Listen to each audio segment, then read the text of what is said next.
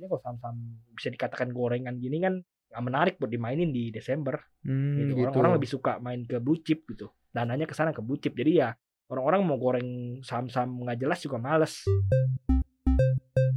Nah, ini berarti ada dua cara untuk melihatnya atau screeningnya, yaitu saham-saham big caps yang banyak dipegang oleh Dapen gitu ya. Nah, tapi ini banyak yang nanya nih, Bro. Cara ngelihat saham-saham yang banyak dipegang Dapen tuh kelihatnya di mana sih? Ngomong emiten yang gede yang banyak dipegang MI ya Telkom, Telkom. Astra. Telkom ini kan Gimana tuh kalau ini Telkom? lap Q-nya bakal bagus. Paham Pantauan Saham. Makin paham makin cuan. Halo Sobat Cuan, balik lagi bareng gua Daniel Wiguna dan Gua Triputra dari tim riset CNBC Indonesia. seperti biasa, segmen kita adalah paham. Pantauan saham, semakin paham semakin Cuan. cuan. Nah, ngomong-ngomong tentang percuanan, kita mau ngomongin percuanan yang serius kali ini. Nggak ada yang kita nggak pernah serius ya, tapi semoga cuannya serius gitu ya. Kita akan ngomong tips berburu saham di bulan Desember ya. Tapi sahamnya yang cuan-cuan aja nih, bro. Gimana nih, bro? Kalau kita ngelihat bulan November yang penuh dengan naik turun gitu ya, all time high sempat ke 6754 tuh kalau nggak salah tuh. Ini kalau di Desember ini nanti gimana ya kita melihat saham-saham yang menarik gitu? Apakah sama kayak bulan November atau gimana nih? Sebenarnya untuk De- Desember ini kan ya seperti sobat cuan udah tahu kan ini bakal ada window dressing. Mm-mm. Di biasanya di week 3 sama week 4-nya ada window dressing ya bisa dimanfaatkan gitu. Biasanya saham-saham blue chip yang bakal terbang. Saham-saham LQ45 sobat cuan pantau. Mm-mm. Kenapa? Karena masih menarik ketika ini saham ini banyak dipegang oleh MI. MI, lalu banyak dipegang Dapen, Bener. ya institusi-institusi gede. Biasanya bakal ditarik jelang penutupan tahun supaya kinerjanya kelihatan kinclong. Mm-mm. Gitu. Mm-mm. Ya ini ya sobat cuan ya cek-cekin aja saham-saham mana yang di, banyak dipegang oleh Dapen-Dapen dan terutama apalagi yang masih lagging. Gitu. Lu Hmm. lihat YTD-nya berapa? YTD-nya belum banyak tumbuh, masih lagging kan? Ya udah, lagi lu bakal ditarik gitu. Mm-mm. Kalau yang udah terbang-terbang tinggi, misal kayak BCA, BRI, ya ditarik juga paling tapi nggak banyak gitu. Mm-mm. Lebih banyak bakal yang di lagging-lagging ini yang ditarik gitu. Mm-mm. Nah, ini berarti ada dua cara untuk melihatnya atau screeningnya, yaitu saham-saham big caps yang banyak dipegang oleh Dapen gitu ya. Nah, tapi ini banyak yang nanya nih, Bro. Cara ngelihat saham-saham yang banyak dipegang Dapen tuh kelihatnya di mana sih sebenarnya? Sebenarnya kalau lu cek di Bloomberg bisa. Mm-mm. Kalau Bloomberg ada- Terminal. Ya, Bloomberg Terminal. Buset, Gua mehong, selalu- Bro, kata Ya, orang mehong. Makanya. tapi gue selalu pengen repot dikit. Sebenarnya bisa gampang banget dicek. Gimana? Di Kesei itu ada datanya. Heeh, Jadi Kesei itu tiap bulan ngeluarin laporan. Iya, Ngeluarin laporan saham ini dipegang oleh apa saja. oke. gitu. Jadi ba- bakal dipecah sama dia. Misalnya Heeh, lu download tuh laporan kan. Lu di itu ada. heeh. Tapi cek itu aja. bukannya harus dilihat pakai C plus itu enggak, ya? enggak, enggak, enggak usah. Lu lihat manual bisa. Heeh. Eh, Sibes ya namanya Enggak, lu cek gitu? salam Enggak, saham, heeh. enggak lu download biasa, Bro. Download Heeh. keluar zip. Iya. Ini lu buka zipnya, keluar langsung datanya semua. Lu lihat ini satu-satu gitu. Oh, oke. Lu lihat nih, saham misalnya contoh saham A. Iya. Jadi dibagi sama ada dibagi dua misalnya kategori gede Heeh. dua asing sama lokal. Heeh. Jadi ada asing institusi, ada asing retail, Mm-mm. lalu ada lokal institusi, lokal retail, lalu ada MI, ada asuransi, lalu Mm-mm. ada perusahaan sekuritas gitu. Jadi dibagi-bagi berdasarkan jenis-jenis pemegang sahamnya. Mm-mm. Nah, dari situ lu bisa lihat, oh ini ini barang banyak dipegang Hmm. asing. Ini oh, ini banyak barang harian. dipegang MI, dipegang di update-nya bulanan. Oh, bulanan. Berarti by the end of the month. Berarti kalau udah masuk Desember kayak gini-gini nih udah bisa lah ya, ya lu dicek lu lah. cek yang, yang bulan November, ya. Heeh. Atau enggak misalnya lu mau cek di Oktober juga nggak bakal banyak berubah. Oh, gitu, oke oke oke. Tapi dari tahun ke tahun data itu biasa banyak berubah nggak? Kayak Dapen banyak berkurang di sini dari tahun lalu. Kayak Kalau di gitu-gitu. saham-saham blue chip nggak banyak berkurang. Oh, segitu-segitu lah ya. Dan Heeh, menariknya kalau saham-saham blue chip di dam sama asing, ditinggalkan sama asing, lokalnya banyak yang nampung, Iya. biasanya menderita merana. Contohnya. Contohnya kayak saham-saham rokok yang salah satu itu. Waduh. Itu dulu tuh banyak banget Iya, dipegang iya. asing lalu akhirnya di dam ya jadi merana. Jadi merana Iya. ya harganya nggak balik-balik nih ke kayak dulu ya gila sih ya kalau sobat cuan tahu sobat eh, apa namanya emiten rokoknya yang mana Itu kalau gua nggak salah satu-satunya emiten top 10 itu nggak tahu sekarang masih top 10 nggak ya? Ha-ha. Dulu waktu gua ngecek tuh dia salah satunya emiten top 10 di IHSG yang Ha-ha. mayoritas dipegang oleh lokal. yang Oh. maru- mayoritas saham beredar, saham beredar Uh-uh. dalam berupa warkat scriptless yang tidak dipegang oleh pengendali. Oh, gitu. oke oke oke. Jadi ya publiknya itu yang paling banyak ketika publiknya itu dipe- dipegang paling banyak oleh lokal itu Heeh. dia cuman dia yang lain itu dipegang asing semua Oke. yang Ini lain mayoritas asing gitu ini apakah bisa kita bilang keberhasilan market maker mendistribusikan saham? Ya, enggak juga buktinya masih top 10 kan dia kan Iya iya iya Gitu. iya, benar-benar. kalau pungut di bawah juga lu win-win aja tuh gitu Hmm, iya, makanya iya, yang iya. paling penting buat lu nentuin harga beli ya memang harganya jangan beli tinggian gitu Hmm, oke oke. Nah, selain itu kalau kita lihat tadi selain dari kese yang kayak lu bilang kan eh, screening satu-satu nih Hmm. gitu, eh, screening satu-satu yang masih lagging. Lagging tuh gimana maksudnya? Apakah karena pergerakannya dia secara year to date itu lebih rendah daripada pergerakan IHSG secara year to date juga Ya, atau gimana cara ngukur-ngukurnya gimana? Kalau dari gua sendiri sih IHSG itu kan tahun ini kan tahun lalu kan lagging ya. IHSG itu Mm-mm. tahun lalu itu masih gagal pulih dari corona dan tahun ini jadi dia terbang. Mm-mm. Kenapa? Karena tahun lalu lagging. Yang lain itu bursa-bursa lain di Asia dan dunia itu tahun lalu itu tuh udah mulai pulih. Tahun ini jadi naiknya B aja. Ya, Jadi kita tuh salah satu bursa dengan apresiasi paling kencang tahun ini. gitu. Hmm. Jadi kok mau lihat dia masih lagging atau enggak lu bandinginnya sama pasca pandemi Oh, sama oke oke. Maret 2020 waktu pandemi itu udah pulih berapa persen sih gitu. Oke, Udah. berarti ngelihatnya tuh bandinginnya sama yang Maret ya. Ya sebelum Maret. pandemi, sebelum, sebelum Maret, pan- sebelum Maret, sebelum, sebelum pandemi itu lu lihat sebelum pandemi dia Udah stay di harga berapa Iya. gitu. Ah. Misalnya stay di 5000, lu pandemi turun jadi 2000, lu sekarang baru naik ke 4000. Artinya kan masih belum pulih bener-bener kan. Mm-mm. Artinya masih lagging gitu. Nah, itu bisa Iya, jadi itu target ya. indikator, indikator. Ah. Kalau lu lihat yang kayak BRI, BCA kan udah all time high, all time high kan. Berarti Mm-mm. udah gak lagging lagi dong. Hmm. Udah namanya udah all time high gitu. Mm-mm. Ya, lu lihat liatin masih banyak yang lagging gitu. Hmm. Nah, ini perlu nggak kita bandingin dengan eh, pergerakan IHSG itu naiknya udah berapa? Jadi kalau ngelihat secara persentase gitu maksudnya, Bro. Jadi kayak yang tadi gue bilang kayak misalnya ada blue chip nih, eh, misal IHSG-nya udah naik 3%. Ini blue chip nih naiknya baru satu persen gitu Ya secara gini, year to gini date. gue bilang ini kan ini kan gue bilang Heeh. bandinginnya jangan year to date karena Heeh. IHG lagging bandinginnya ketika pa- masa sebelum pandemi itu Oke. Februari Maret lah 2020 ya Heeh. ini dari dari IHSG sendiri itu dari udah hijau sejak Februari Maret ini Hmm. gitu jadi ketika lu ketemu saham yang baru hijau tipis atau bahkan merah ya itu berarti menarik kan dia masih lagging kan betul. apalagi ini ketika udah masih lagging lalu masih merah dibanding sebelum pandemi lalu banyak MI pegang Heeh. ya udah itu udah sangat itu sekali sangat matang sekali untuk ditarik ke atas gitu. Oh, oke oke. Ada lah ya. Gua kalau gua screening sendiri ya.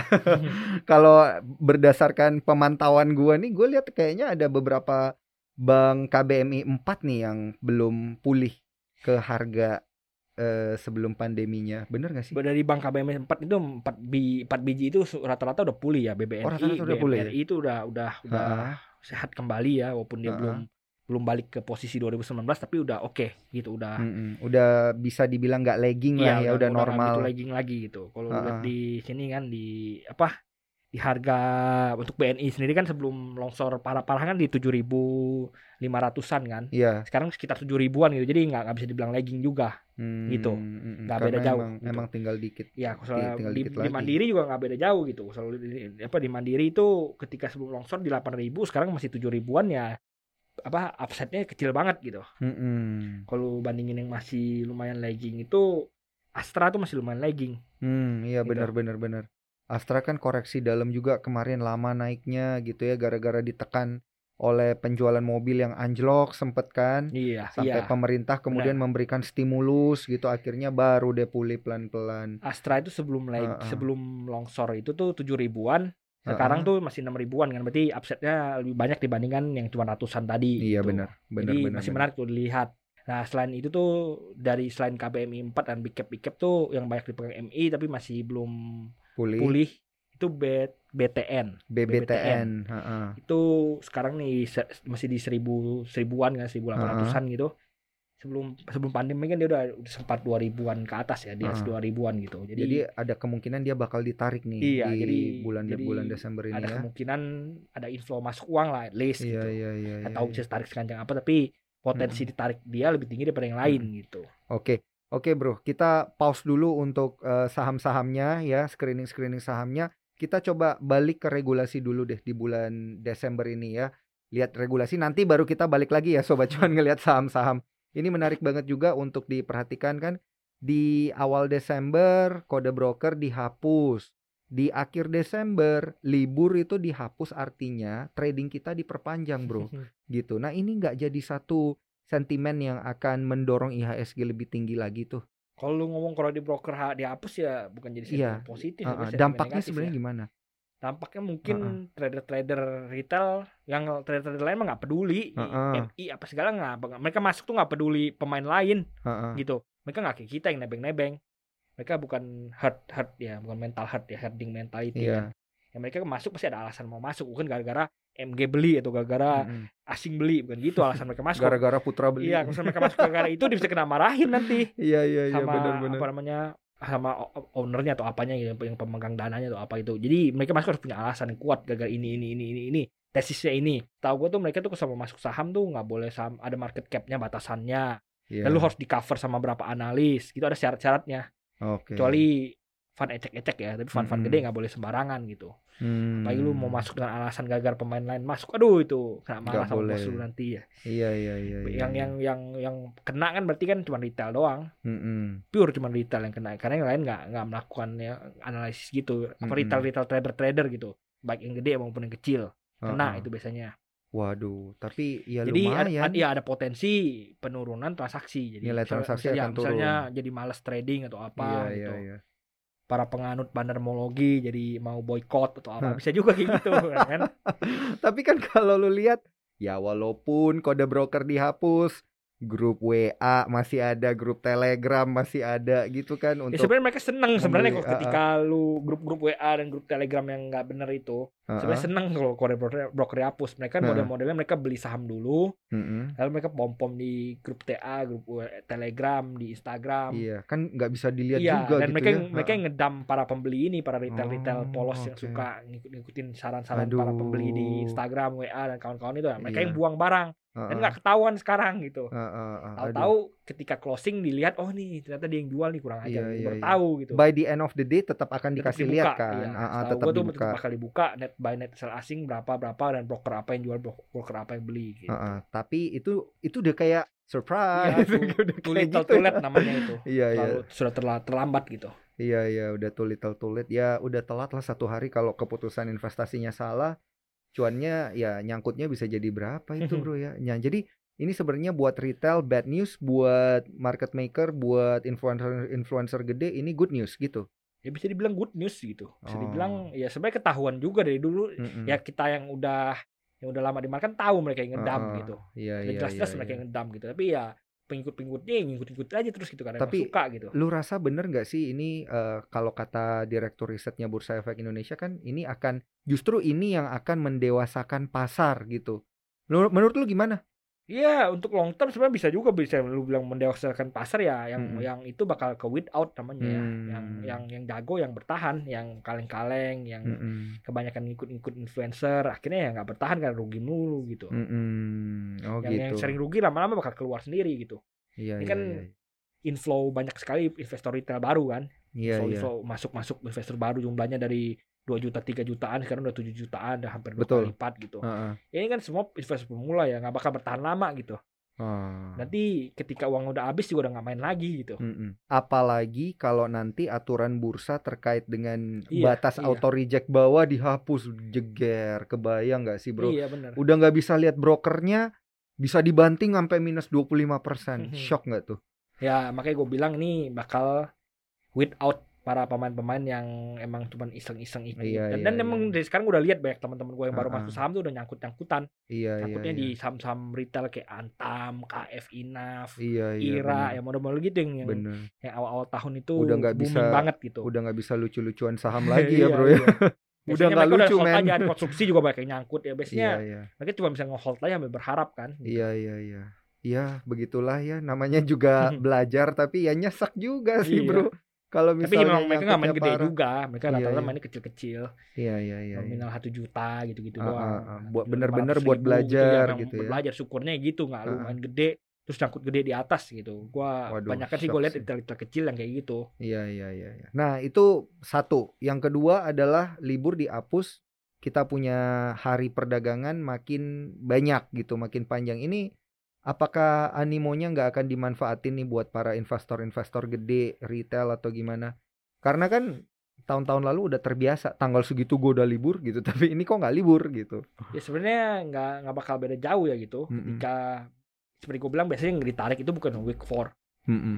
saham-saham ini yang ditarik ketika window dressing itu bukan week 4-nya ditarik tapi week 3-nya ditarik oh di minggu ketiga bukan Iya, keempat benar. ya dan Uh-uh. biasanya kan yang dihapus minggu minggu minggu keempatnya yang dihapus kan jadi nggak bakal banyak perubahan dari Hmm. skema penarikan ini, ini apa win- window dressing ini gitu Mm-mm. ya bursa jalan ya seperti jalan seperti biasa aja trading seperti biasa aja gitu Hmm, oke oke oke. Karena memang eh, dari tahun ke tahun selalu di minggu ketiga ya. Sepertinya nggak akan jauh berbeda di Iya. tahun ini juga juga seperti itu. Oke, kita balik lagi nih untuk ngelihat pergerakan saham-sahamnya. Tadi kita udah bahas yang bank-bank gitu ya, perbankan-perbankan, bank-bank digital bakal ditarik nggak nih sama Tekno nih? kalau misalnya untuk bank digital dan kawan-kawan itu sebenarnya yang jarang banget MI pegang Heeh. ya apalagi saham-saham tekno lepas apa selain Bukalapak dan MTech ya Iya. itu yang lain-lain kan saham tekno-tekno kaleng-kaleng gitu Mhm. MX, MCAS Iya, itu barang iya, iya. masih dipegang bandar semua gitu bukan dipegang Hmm. oleh MI dan kawan-kawan ya Oh, oke gitu. oke. terlepas dari Big Three itu Big Three itu kan Buka, Arto, MTech itu udah lumayan banyak dipegang sama MI jadi ada potensi window dressing dijaga di sana apalagi Arto tuh banyak banget dipegang sama MI Hmm. gitu. Jadi, potensi terjadi window dressing di saham itu very apa cukup gede. Tapi untuk saham-saham tech lain yang kelas-kelas bawahnya ya ya berat gitu karena jarang banget dipegang sama MI kayak misalnya bank digital BBYB, BBHI, BNBA atau apa segalanya itu jarang banget dipegang MI jadi berat Mm-mm. Harus hati-hati tetap sobat cuannya ngelihat untuk bank-bank digital ini. Ada beberapa tapi tidak semuanya. Nah, kalau kita lihat eh, ke emiten-emiten yang belakangan manggung gitu awal 2021, akhir 2020 ini karena pandemi yaitu emiten farmasi. Kan pemerintah ini menaikkan ke PPKM level 3 nih ya untuk Hmm. mencegah penyebaran di Natal dan Tahun Baru. Ini menurut lu bakal dorong nggak sih? Bakal mendorong nggak sih emiten farmasi atau Emiten- udah emiten- that's it gitu? emiten- farmasi tuh kalau lu beli emiten farmasi itu tuh pure bukan bukan fundamental pasti Mm-mm. lu agak agak agak error kalau misalnya lu beli itu lu alasan fundamental Oke. lu lihat aja evaluasi udah nggak masuk akal kan Mm-mm. Ada yang book value cuma cepet harganya waktu itu gua ngomong waktu waktu di ini dari perspektif lu kan tadi kan lu bilang apa awal-awal tahun kan jadi gua Iya. ngomong ini orangnya nyangkut waktu beli di awal tahun terus Heeh. mereka ngarep ini bakal ditarik window dressing Heeh. gitu. dari gua sendiri tuh ketika lu beli kan lu memang memang mau bukan gara-gara fundamental gara-gara gambling ya gitu Mm-mm. dan memang secara va- valuasi udah mahalnya minta ampun gitu udah bisa dibilang nggak masuk akal dulu kan PI-nya Mm-mm. ratusan kali PBV-nya puluhan kali gitu jadi emang udah mahal banget gitu. Mm-mm. jadi ketika lu beli kan emang lu berharap yang naikin tuh market maker nggak bisa nggak emang mereka bagi dividen tapi dividen berapa? Perak gitu. Dibanding harganya Mm-mm. tuh rate-nya 0,0 persen gitu. Mm-mm. balik modalnya kapan kalau berharap dividen gitu. Jadi ini lu beli bukan gara-gara fundamentalnya gitu Mm-mm. gara-gara emang rata-rata orang pengen pengen karena harganya naik-naikan jadi menarik buat dibeli gitu ya Mm. bisa dibilang teknikalnya atau gara-gara ada market apa marketnya lagi euforia di sana gitu dan emang mayoritas dana yang keluar ketika ditarik itu kan market makernya udah ba- banyak yang keluar Mm-mm. kalaupun sisa di dalam juga nggak sisa banyak lagi jadi ini kan memang satu dari gue kalau selalu pengen ditarik window dressing kan satu harus lagging Mm-mm. bakal lebih kuat ditariknya dua tuh harus dipegang MI ini dua-duanya nggak nggak- terpenuhi gitu bro Mm-mm. jadi ya kalau mau berharap window dressing ditarik ya agak berat gitu. Mm-mm. Bahkan biasanya kalau saham-saham bisa dikatakan gorengan gini kan nggak menarik buat dimainin di Desember Mm, gitu. gitu. Orang-orang lebih suka main ke blue chip gitu. Dananya ke sana ke blue chip. Jadi ya orang-orang mau goreng saham-saham nggak jelas juga males Hmm. kalau di bulan Desember gitu. karena udah tahu ya pasti-pasti yang bakal terjadi itu ya kebanyakan emang di LQ45 yang blue chip blue chip iya, itu karena gitu. orang-orang retail retail juga tahu oh, mending gue main blue chip aja lebih aman, duitnya lebih Heeh. banyak gitu. Lebih Heeh. lebih cuan gitu. Nah ini bagi para penyuka micin nih gimana nih kan udah ba- nggak bakal ada nih udah nggak bakal ada eh, emiten-emiten yang bisa beggar di Desember. Ya emang nggak bakal apa maksudnya tuh emiten-emiten bagger tuh kayak gorengan gitu kan emang jarang biasanya digoreng Mm-mm. di bulan Desember biasanya Dibiarin ketika market gitu. sepi November lah atau apa gitu dan ya memang bakal ada pasti masih kan tapi ya mungkin nggak akan serame ketika market sepi gitu Mhm. ketika market merah-merah merah mulu nah, itu biasanya saham gorengan yang digoreng yang Mm-mm. menarik gitu karena orang nggak ada mainan di blue chip blue chipnya Iya. longsor mulu mending gue iya. main gorengan dulu gitu Iya, tapi kalau sekarang mereka apa udah udah percaya bahwa blue chip terbang ya udah mending ikut blue chip aja gitu. Mm-mm. Berarti sektor rotationnya balik ke blue chip lagi ya. Iya. Mm-mm. Nah kalau kalau lu lihat eh, blue chip tadi kita udah bahas beberapa ya perbankan. Kita juga eh, bahas juga terkait dengan farmasi gitu yang sepertinya tidak akan ditarik gitu ya karena tidak dipegang oleh banyak MI. Nah, gimana nih untuk emiten-emiten eh, konsumer? Kan ada rokok juga tuh blue chip juga dia. Konsumer potensi tariknya masih ada karena Uh-uh. banyak banyak masih banyak MI yang pegang. MI, MI lokal biasanya masih megang konsumer, MI asing beberapa masih ada megang konsumer tuh masih ada harapan untuk window dressing dan kemarin juga emiten konsumer udah terbang-terbang duluan kan sebelum window dressing di bulan Oktober itu. Masih ada potensi lanjut walaupun nggak gitu gede. Sebenarnya itu salah satu yang lagging tapi Oktober sudah sudah terbang jadi udah mulai menutupi laggingnya itu gitu tapi masih Hmm. ada upside potensi upside buat Desember masih ada gitu Mm-mm. Untuk konsumer nih, untuk konsumer termasuk Unilever. termasuk Unilever gitu karena Oke. walaupun sudah rebound dari posisi longsor terparahnya itu sempat ke 3000 ribuan kan ya kan Mm-mm. 3.800. high, high 3000 kan 3000 Heeh. atas kan tapi udah berhasil nutup kan berarti udah udah apa nggak gitu separah dulu gitu lah Hmm, oke oke oke. Itu untuk emiten-emiten konsumer. Nah, kalau emiten-emiten komoditas nih di De- Desember kan masih bakal rally lagi atau udah cukup nih untuk the whole 2021? sebenarnya kalau misalnya komunitas sendiri apa terutama batu bara ya Iya, itu menarik lo lihat heeh. Masih Kenapa? menarik kan kemarin untuk, koreksi dalam. Desember ini Heeh, menarik khusus. kenapa Heeh. karena Desember kan biasanya winter di luar Oh. gitu winter kebutuhan batu bara biasanya naik Heeh. kebutuhan batu bara Untuk naik pemanas ruangan. Iya, harganya naik gitu biasanya kayak Heeh, gitu. heeh. tapi untuk tahun ini ada potensi terjadi lagi walaupun harganya sudah tinggi gitu Iya, iya, winter iya. naikin harga gitu Heeh. jadi biasanya misalnya harga apa harga harga saham kan ngikutin aja harga callnya Mm-mm. kalau Newcastle callnya terbang ya harga bukan nggak mungkin harga saham-sahamnya terbang gitu Mm-mm. Tapi kalau lihat batu bara masih mungkin gak sih dia sentuh 200-an tuh harga batu bara acuannya global? untuk tahun depan tuh masih mungkin balik ke 200 Oh, buset. Untuk tahun depan ini Iya. gua seperti gue bilang ini namanya super cycle commodity ini masih belum berakhir bukan cuma Mm-mm. tadi aja gitu walaupun intervensi Cina ya Ya, yang walaupun begitu kencang. Masih belum berakhir gitu karena Mm-mm. demandnya masih tinggi bro Mm-mm. ini pandemi juga belum usai kan masih Iya, iya, iya. di beberapa negara masih ada yang masih lumayan gitu nanti Mm-mm. ketika Australia juga ya, lockdown lagi yang, katanya. yang, yang parah Heeh. lagi ini udah mulai pulih ya Heeh. bakal itu bakal demandnya bakal naik lagi gitu jadi ba- bakal neken lagi tapi Mm-mm. mungkin nggak bakal sustain di situ gitu Hmm. Jadi untuk membeli emiten-emiten batu bara di Desember ini oke nih. Oke masih oke Se- seperti gue Mm-mm. bilang satu bisa di Buat swing aja ya, tapi satu ya. buat swing misalnya lu Januari lu pengen exit bisa Heeh. atau misalnya lu pengen hold panjang sampai komoditi super cycle selesai juga masih bisa gitu Hmm. tergantung itu teman-teman maunya apa gitu sobat cuan pengennya apa Hmm. Oke oke oke oke. Itu tadi untuk emiten-emiten tambang ya. Kalau yang terkait dengan emas, nikel itu ketarik juga nggak? Minyak, CPO ketarik, ketarik juga tuh ya biasa. kalau misalnya MI ada nggak sih yang pegang emiten CPO gede gitu?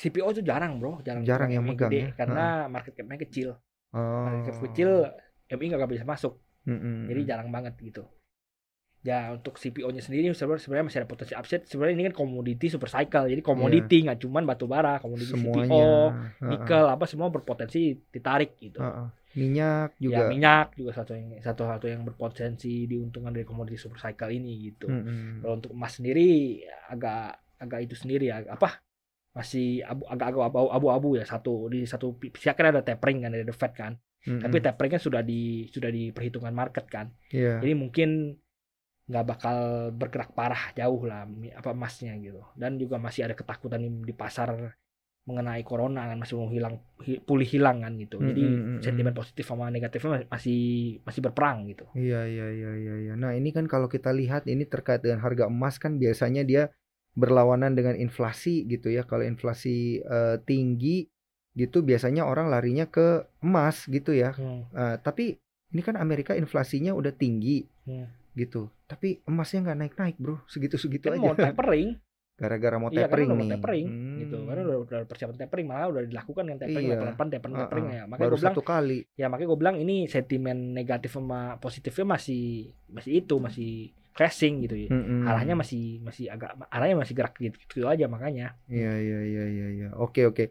Nah, kalau emiten-emiten blue chip yang banyak dipegang sama MI itu apa aja sih selain perbankan tadi? Kayak lu bilang tadi di ini nggak ada ternyata di komodi apa di batu bara nggak nggak banyak gitu ya. batu bara juga nggak banyak MI sebenarnya Mm-mm. yang yang gerakin ya seperti seperti gue bilang ketika call naik eh, apa batu bara naik kenapa batu bara dikit dipegang MI gara-gara ESG bro ESG-nya nggak boleh masuk sana gitu Hmm, salah satunya bener-bener. itu yang mungkin susah kalau mau ngomong emiten yang gede yang banyak dipegang MI ya Telkom Telkom. Astra Telkom ini kan Gimana tuh ini kalau Telkom? lap Q-nya bakal bagus Mm-mm. lap Q bagus di di full year ya full year 2021 Mm-mm. most likely bakal bagus kenapa karena ekuitasnya naik Hmm. Equitasnya Ini naik. ada hubungannya sama MTEL? ya Enggak. karena emiten terakhir IPO ekuitasnya naik gitu.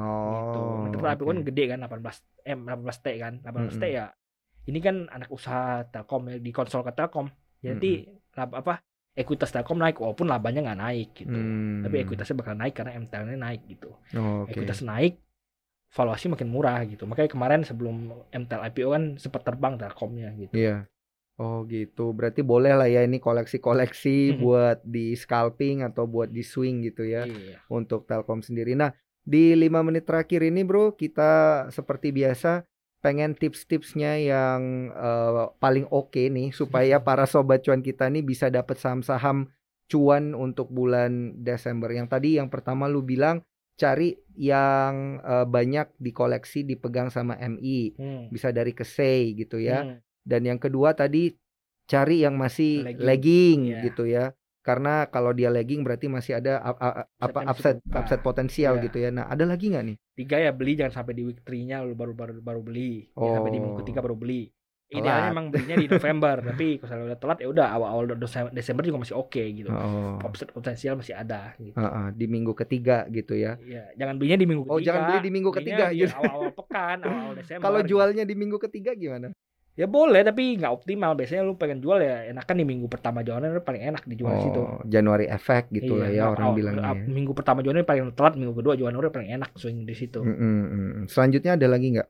Perlu nggak nih ngelihat volume, nilai transaksi atau foreign inflow? Ya, foreign inflow lu bisa pantau juga misalnya saham-saham yang dipegang foreign tadi gue bilang kan top 10 itu rata-rata masih dipegang foreign semua ya. Udah ya Mhm. ada foreign inflow masuk nggak ya?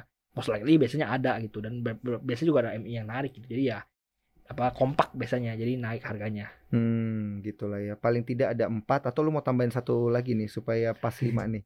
Itu ya, dulu. udah itu aja kayak menurut gue. Lah, yang kelima kalau udah cuan jangan lupa kirim Ah, kopi. lu, pasti lu. kirim Eh, kopi ke kita guys ya. Jangan lupa supaya eh, nikmat cuannya itu dirasakan rame-rame. Oke. Kurang lebih itulah ya tips-tipsnya dan juga eh, emiten-emitennya tadi kita beberapa udah spill gitu ya informasi-informasi dan insight yang ada di dalam emiten-emiten tersebut. Semoga ini bisa jadi panduan sobat cuan di bulan Desember supaya membeli emiten yang benar, mengkoleksi emiten yang benar supaya potensial upside-nya cuannya juga makin maksimal dan makin gede ya Hmm. kayak lu bilang juga ya. Nah, jangan lupa seperti biasa eh, klik like, subscribe dan juga share buat kalian yang menyaksikan kita di Paham on YouTube ya, cuap-cuap cuan tentunya channelnya dan yang dengerin kita di Spotify, Apple Podcast, Google Podcast dan juga Anchor di cuap-cuap cuan juga jangan lupa ya di share-share lah gitulah ya sama teman-temannya supaya makin rame nih orang yang cuan dan yang terakhir jangan lupa follow Instagram kita di cuap underscore cuan. Gua Daniel Wiguna pamit undur diri. Gue Triputra undur diri. Sampai jumpa di Paham episode selanjutnya. Bye-bye. Bye.